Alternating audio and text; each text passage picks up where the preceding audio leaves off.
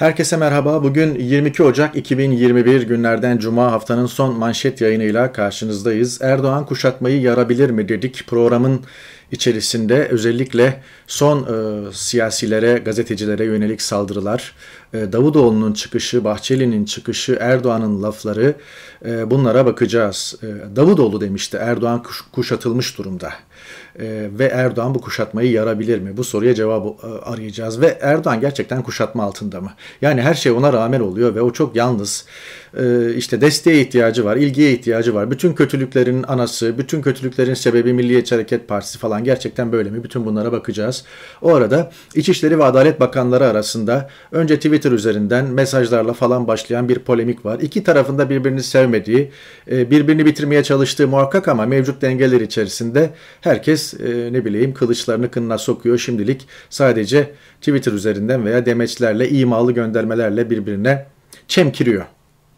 Bunun en çok e, Berat Albayrak'ın işine yaradığı işte birkaç ay evvel tartışmalı bir biçimde görevden affedilen ancak o gün bugündür sırra kadem basan Berat Albayrak'ın yaşanan tartışmaları da keyifle izlediği filan üzerinde duruluyor ama ne kadar keyifle izlediği hakkında bir fikrim yok. Bilakis e, Erdoğan ona, o Erdoğan'a muhtaç. E, bu rejimin, kayınpederinin yıkılması, devrilip gitmesi onun işine hiç gelmez e, ve bilakis e, bu rejimin, AKP rejiminin ve kayınpederinin orada görevini sürdürüyor olması ve orada durması, kendisine yeni müttefikler bularak devam etmesi en çok Erdoğan ailesinin ve elbette Berat Albayrak'ın işine gelir. Bütün bunların hepsine bakacağız ama ondan önce e, en önemli gündem esasen korona gündemi. Yani e, benim yaşadığım İngiltere'de son bir haftadır ölüm sayıları bini geçti. Hatta 1200'ün 1400'ün üzerinde seyrediyor. 1800 küsürü e, gördü bundan birkaç gün önce ve bu bugüne kadar tespit edilmiş en yüksek rakamdı. İngiltere şunu yapıyor. İngiltere son bir ay içerisinde korona testi pozitif çıkmış ama e, hayatını kaybetmiş herkesi koronadan dolayı ölüm nedeni sayıyor. Yani siz son bir ay içerisinde örneğin korona testiniz pozitif çıkmışsa ve e, kalp krizinden ölmüşseniz buna bakmıyor. Korona testi pozitif olup da ölen herkesi koronadan ölmüş muamelesi yapıyor ve ondan dolayı da rakamlar belki biraz yüksek ama iyi. Çünkü koronaya bağlı nedenlerle insanlar hayatını kaybediyor olabilir veya koronanın tetiklemesiyle organ yetmezliği olabilir, koronanın tetiklemesiyle kanser nedeniyle ölmüş olabilir veya kalp krizi nedeniyle ölmüş olabilir. Vücudunda koronavirüs varsa ölen kişinin son bir aydır bu tespit edilmişse pozitif olarak bu kişi koronadan, koronadan dolayı ölmüş sayılıyor. Bu ilk aylarda böyle değildi. Mart-Nisan aylarında hatta o zaman o günlerde bakım evlerinde ölenlerin bu rakama dahil edilmediği üzerinden bir polemik yürümüştü İngiltere'de. Sonra bu bakım evlerinde ölenlerde bu rakama, kendi evlerinde ölenlerde neyse bu rakama dahil edilmişti. İlk açıklanan rakamlar, ilk ay açıklanan rakamlar hastane ölümleri idi. Bunu da belirtelim. Hayatta kalmanın yolu bağışıklık sistemini güçlendirmek sevgili seyirciler. Başka bir şey değil. Şu görülüyor ki önümüzdeki e, süreçte ne olacak? Ka, kahin değiliz. Bunu öngöremeyiz ama 2021'in ilk yarısı gitti. Böyle bakabilirsiniz. E, Ocak ayının 22'si Ocak ayı gitti. Yani 12 ayın bir ayı gitti. Şubat da gitti bu arada. Herkes gene evinde filan geçirecek. Bütün dünyayı kastederek söylüyorum. Ocak, Şubat hatta Mart'ta gitti. Yılın ilk çeyreği gitti. Bu kesin yüzde bir milyon yani. Peki yılın ilk yarısı gitti ne, neye dayanarak söylüyorsun? söylüyorsun? Şuna dayanarak söylüyorum. E, çünkü aşı e, bulundu, aşı çıktı, hastalığın tedavisi bulunamadı. Onu söyleyeyim. Herkes, e, her ülke kendi geliştirdiği yöntemlerle COVID-19 hastalığını veya belasını, virüsünü kapmış ve güç günler yaşayan insanlara yardım eli uzatmaya çalışıyor veya hastanelerde onları iyileştirmeye çalışıyor. Çeşitli yöntemler var, girmeyeceğim, benim alanımda değil. Ama tedavisi bulunamadı bu kesin.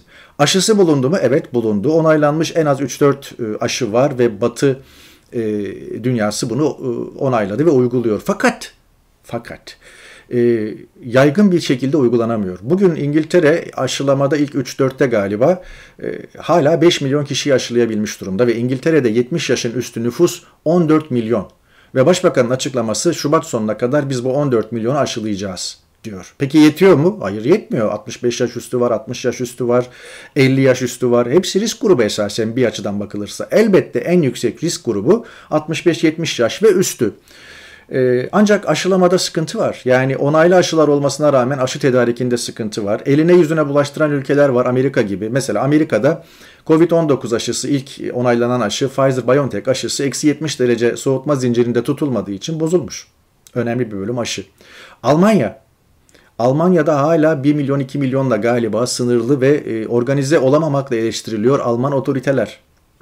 Pek çok ülkede de benzer bir durum, benzer bir sıkıntı var. Türkiye'ye döndüğünüzde durum daha bir e, berbat e, çünkü onaylanmamış. E, faz 3 denemeleri bitmemiş bir Çin aşısı uygulanmaya başlandı ve bunun 3 milyon kadar getirildiği söylendi ve bu 3 milyon aşı bitti.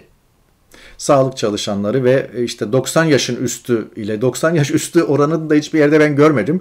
İngiltere'de 85 yaş ve üstü ilk risk grubunda aşılandı. Kraliçe de bu çerçevede aşılandı. Ancak 90 e, yaş üstünü niye Türkiye uyguladı? Elde aşı yoktu. 90 yaş üstü nüfus azdı ve e, bununla kamuoyunu oyalama yöntemini seçtiler. Şimdi Cumhurbaşkanı Cuma namazı çıkışında açıklamış işte 10 milyon aşı daha gelebilir diyor. Gelebilir. Ne zaman? Hafta sonuna kadar veya işte bir haftaya kadar neyse. 10 milyon aşı gelse ne olacak? 5 milyon kişi aşılanacak. Yetecek mi? Yaşlı nüfus falan yetmeyecek. Onun için hala evde oturmaya devam e, ve e, ne bileyim maske kullanmaya devam, belli bir mesafe, belli bir aralıkla insanlarla muhatap olmaya devam ve elbette azami hijyene dikkat. dikkat. Ve tabii hayatta kalmanın yolu bağışıklık sistemini güçlendirmek derken e, Amerika'yı yeniden keşfetmiyoruz, Mars'a çıkmıyoruz. E, bu yani bağışıklık sistemini güçlendireceksiniz. Bu ancak e, besin takviyeleri alarak olur, bir takım vitaminler alarak olur e, çünkü besinlerde bugün tükettiğimiz besinlerde besin değerleri oldukça düşük. Dolayısıyla ancak takviye ile bu mümkün. İngiltere'de besin takviyesi alma oranı %60'lara kadar çıkmış durumda. Her markete gittiğinizde besin takviyesi ürünleriyle ilgili birkaç reyon var marketlerde. En küçük markette bile bu durum böyle. Ama maalesef Türkiye başta e, Orta Doğu ülkelerinde, Asya ülkelerinde bu çok fazla yaygın değil. Dolayısıyla e, biraz daha kendi başımızın çaresine bakacağız. 2021'in ilk 6 ayı kayıp. İkinci 6 ayı aşılama durumuna göre belli olacak. Bilmiyoruz. Ee, yığınla okuma yapıyorum. Hiçbirinde de 2021'in ikinci yarısına ilişkin bir müjde, bir beşaret falan görmüyorum. 2022 Allahu alem derler ya eskiler. Yani onu hiç bilmiyoruz. Ancak Allah'ın bileceği bir şey. Biz şu anda kısa vadede, kısa orta vadede neler olabilir ona bakmaya çalışıyoruz. Söylediklerime itimat edin. Yerli yabancı kaynaklardan, daha doğrusu Türkçe İngilizce kaynaklardan önüme düşen her şeyi sizler için okuyorum. Günde önümden binlerce haber, binlerce tweet, binlerce araştırma, binlerce yorum, binlerce görüş geçiyor. Hepsine bakıyorum. Bu durum biraz böyle. Türkiye'den bir gün bu işi manşette gören tek gazete bugün. Önce zengine kalırsa yoksula. Dünyada siparişi verilen 4.2 milyar doz, doz aşının %74'ü zengin ülkelere gidecek. Yoksul ülkeler 675 milyon doz aşıyı garantiledi diyor. Gıda fiyatları neden artıyor sorusu var. Bugün Türkiye'nin gündeminde Türkiye gündemi çok spesifik konulara yoğunlaşıyor. İşte restoranlar, kafeler kapalı, kan ağlıyor esnaf. Mesela böyle bir spesifik gündem. İşte İstanbul Büyükşehir Belediyesi'nin e, mobil ekmek satışına Tarım Bakanlığı e, yasak koydu. İşte böyle bir spesifik dar bir gündem. İşte gıda fiyatları neden artıyor? Mesela Batı'da gıda fiyatları artmıyor. Enflasyon aynı seviyede duruyor. Bunun iki nedeni var. E, bu Yeni Asya'nın manşetiydi. Aynı şey Hürriyet manşette de var. İşte dünyayı etkisi altına alan pandemi nedeniyle demiş Hürriyet birinci sırada. Gene halkla halklarına yalan, okuyucularına yalan söylemeye devam ediyorlar. Pandemi her yerde var, burada da var ve gıda fiyatları artmadı. Neredeyse ben geldim geleli İngiltere'de doğru bir artış, gözle görülür bir artış olduğunu söyleyemem. Hala markete gittiğimde ekmeği, sütü, eti, ne bileyim e, bakliyatı aynı fiyatlara alıyorum yani çok fazla. Belki hani yüzde bir iki artmıştır da ama o e, yani kuruş mesabesindedir e, TL bazında söyleyeyim. Onu da biz fark etmiyoruz. Mutlaka bir enflasyon %1-2 var yıllık. Dolayısıyla yani bu iş dolma, dolmalık fıstık sahtekarlığının hafiyeliğiyle şunla bundan çözülecek durumda değil. Pandemide her yerde. E neden? Türkiye kendi kendine yeten bir ülke değil. En temel ihtiyaçlarını bile dışarıdan ithal ediyor ve dolayısıyla sizin e, para biriminiz e, döviz karşısında yerin dibinde olunca da her şeyi pahalı alıyorsunuz. İstiklal Gazetesi'nin manşeti çiftçiler mağdur ancak korkudan dile getiremiyorlar. İyi giden hiçbir şey yok kurtarın bizi. Meral Akşener'in yurt temaslarında ortaya çıkan bir isyan. Yılmaz Odabaşı paylaşmış ki daha evvel başka paylaşımları da var özellikle askıda ekmek meselesiyle ilgili. Bugün bir açık otoparkta 45 yaşlarında bir adam sokulup eski memurum evimde tüp yok çocuklarım için bir tüp parası toplamaya çalışıyorum dedi. KHK'lı mısınız çekinmeyin söyleyin dedim. Yüzüme acıyla baktı adamın gözleri insan yüzü asaletti kesinlikle yalan değildi diyor. Kıtlık, açlık bugün kapıda olan Ece Temel Kur'an dünya tarihinde büyük, ayaklanmaların hep ekmek, gerçek ekmek derdiyle başladığını, ekmeğin son derece patlayıcı bir madde olduğunu hatırlatmak isterim diyor. Geçelim. Türkiye neyle uğraşıyor? Türkiye işte efendim e, Süleyman Soylu'nun 45 gündür hastanede yatan annesine biri küfretmiş Twitter'da. Bununla e, meşgul oluyor. E, gazete Pencere hükümetteki tutuklama polemiğine hukukçu yorumu, tutuklama değil adalet isteyin. E, Süleyman Soylu bakan olsam ne yazar demiş yani ne yapmalıyım? Çünkü adam adli kontrol şartıyla e, serbest bırakılmış. Hakaret eden kişi, annesine hakaret eden kişi. Bakan olsam ne yazar? Yani çok işte böyle bir ülke yani. Bakan olunca farklı, başka bir şey olunca farklı mı? Hakaretten dolayı bir sürü tutuklama veriyorsunuz. Ama burada da hakaret iki yılın altında bir suç olduğu için ki Adalet Bakanı bunu kastetti. Tutuklu salı verildi diyor filan. Yani tam kişiye göre adalet, tam kendine göre adalet. İçişleri Bakanı ve Adalet Bakanları arasındaki polemik de böyle.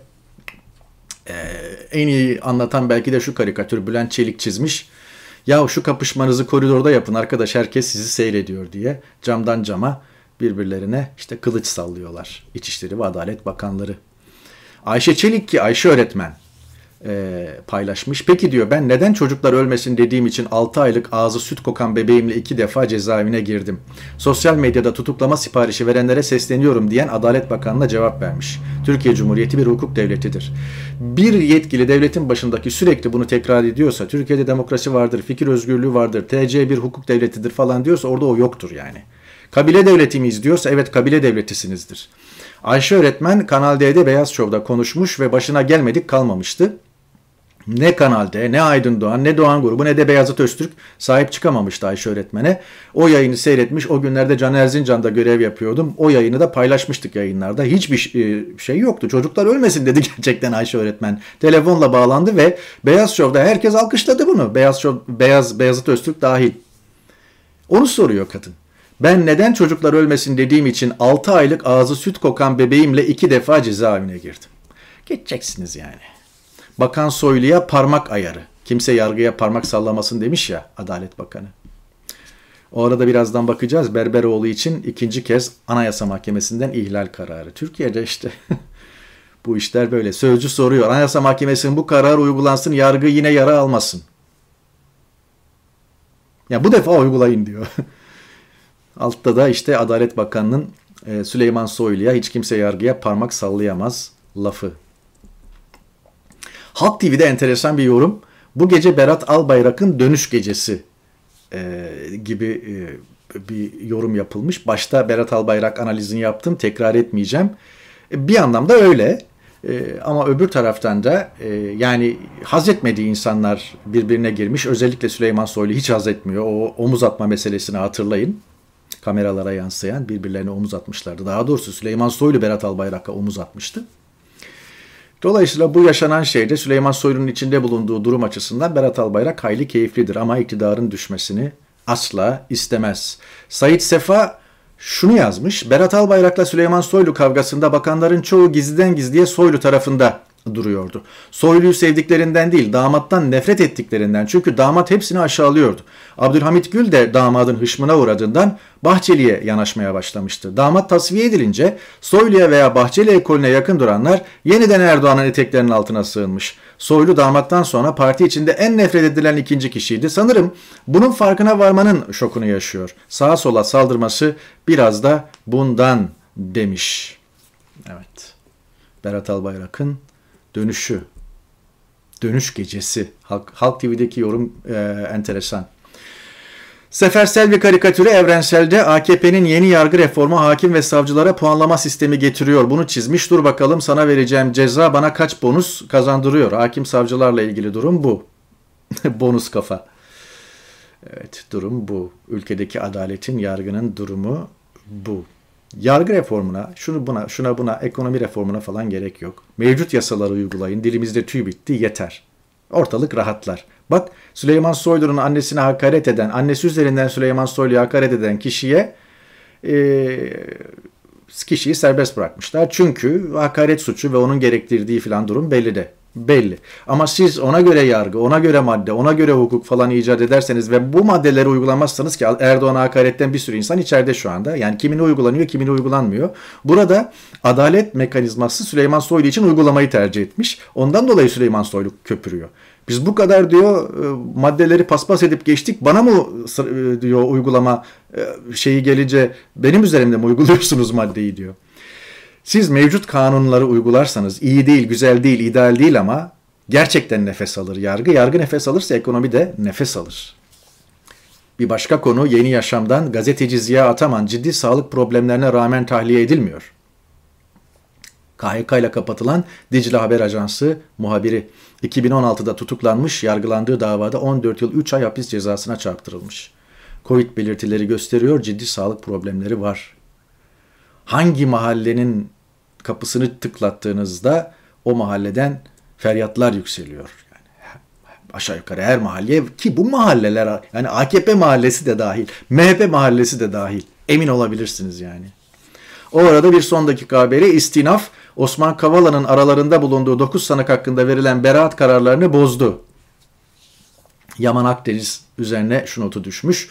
Gezi Parkı davasında Osman Kavala dahil 9 kişi hakkında verilen beraat kararları İstanbul Bölge Adliye Mahkemesi 3. Ceza e, Dairesi tarafından bozulmuş. Yargı reformuna gerek kalmamış diyor.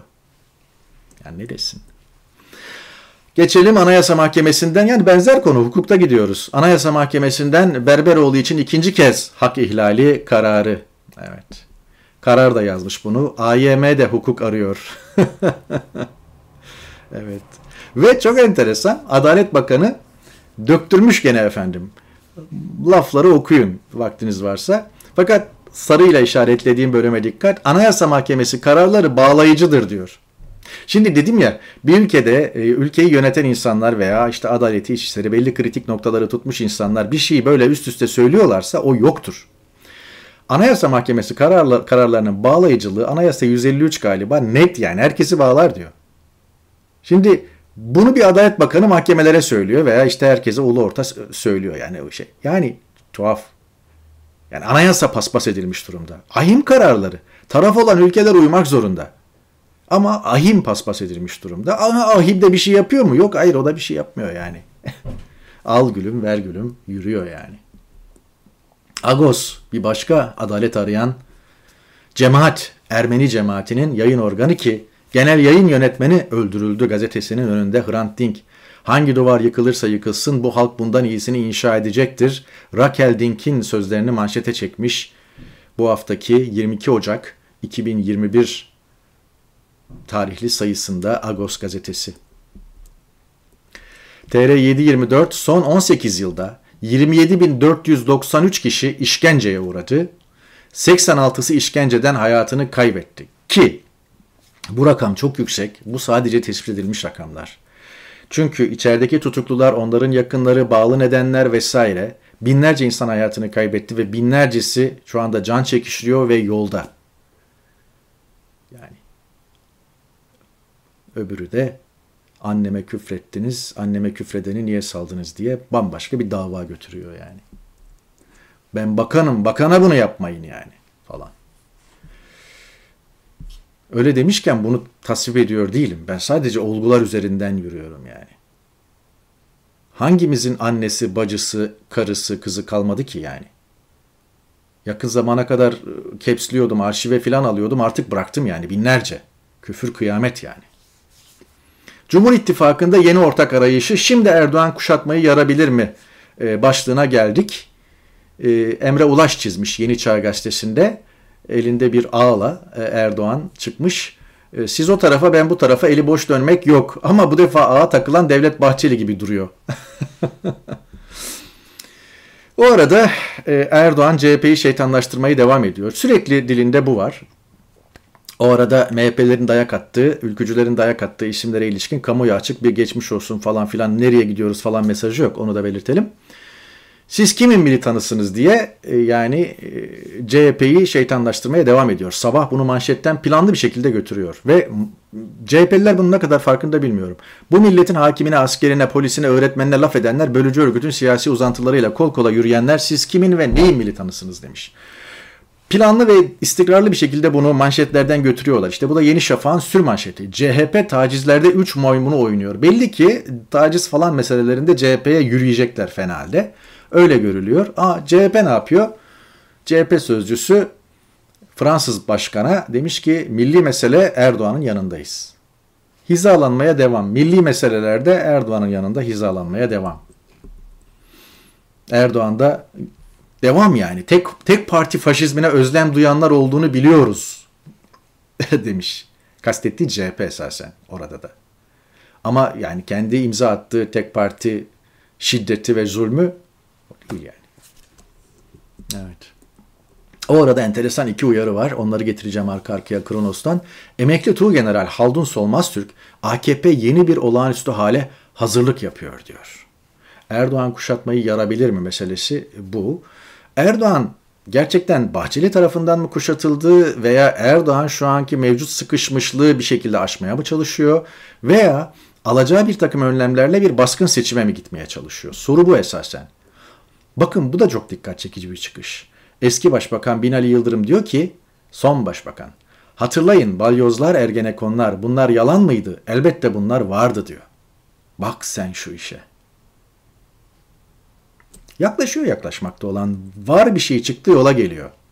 O arada Erdoğan Oğuzhan Asil sonra gene milli görüşün e, ne bileyim ulularından Nedim Urhan hocayı evinde ziyaret etmiş. Artvin Medya e, sitesinden getiriyorum size. Doçent Doktor Nedim Urhan e, Erdoğan tarafından ziyaret edilmiş. Karşılıklı bir hediyeleşme olmuş galiba falan. Erdoğan milli görüşün bu tarz kanaat önderlerini ziyaret etmeye ve o partiyi bir anlamda da karıştırmaya, yanına çekmeye, terörle mücadelede yanımızda olun falan demeye e, devam ediyor. Bilemiyoruz. E, bunlar kuşatmayı yarma çalışmaları. E, dolayısıyla Erdoğan yalnız değil. Erdoğan sadece ittifakı genişletmeye çalışıyor. Karşı tarafı şeytanlaştırarak. HDP'yi zaten tümüyle yalnızlaştırdılar. Partinin kapatılmasına gerek yok. Hareket edemez hale getirdiler. Kimse yan yana gelemiyor. Kimse programlarına dahi çıkartamıyor. Ülke, ülke, ülkede muhalifim diyen medya çıkaramıyor. Öbür taraftan CHP şeytanlaştırmasını zaten görüyorsunuz. O arada tek tek isimlerle de uğraşıyorlar. Mansur Yavaş'ta, Ekrem İmamoğlu'yla ve özellikle büyük karın ağrıları var. CHP İstanbul İl Başkanı Canan Kaftancıoğlu'yla. Ve bunları da içeri tıkmaya çalışıyorlar. Tıpkı Selahattin Demirtaş, tıpkı diğer siyasi rehine Osman Kavala gibi. Bir yandan da işte Demokrat Parti'ye, e, Saadet Partisi'ne filan yüzde sıfırlık, yüzde sıfır nokta birlik, yüzde sıfır nokta beşlik partilere davetlerde, çağrılarda bulunarak ve elbette bu davetlerde ve çağrılarda devletten makamlar, imkanlar, belli koltuklar falan filan da vaat ediliyor. Muhtemelen belli işte e, ticari veya ekonomik kazanımlar neyse devlet imkanları.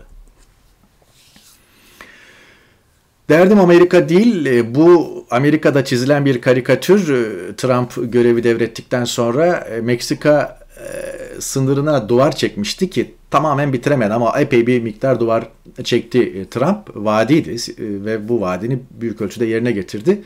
Fakat e, ülkesinde yargıyla başı belada ve şimdi o duvarı atlayıp ülkeyi terk etmeye çalışıyor veya ülkeyi terk etmeye çalışacak minvalinde bir şey. Peki Amerika ne düşünüyor? Amerika İlerleme Merkezi Yavuz Baydar paylaşmış.